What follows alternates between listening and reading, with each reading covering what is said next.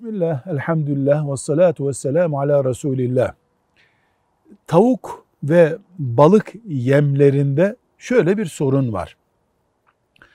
Besmelesiz kesilmiş hayvanların artıklarından yem yapılıyor. Veya esasen pis olan, necis olan işte kazurattan vesaireden yem yapılıyor. Bu yemler hayvanlara daha faydalı oluyor. Bu sebeple biz tavuk yemi, balık yemi olarak satılan şeylerde bir helallik sorunu yaşıyoruz.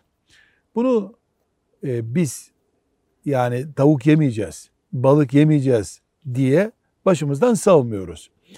Bu tür tavuklara fıkıh kitaplarında celale adı veriliyor. Yani necaset yiyen tavuk. Zaten tavuk köy gübreliğinde dolaşırken de bu necaseti yer. Eğer biz helal bir şekilde bunu yemek istiyorsak gayet kolay oturup bu tavuğu üç gün bekletiriz. Üç günde de bu yemden ona vermeyiz. Tavuk helal kesilir ve eti yenir hale gelir bu noktadan sonra.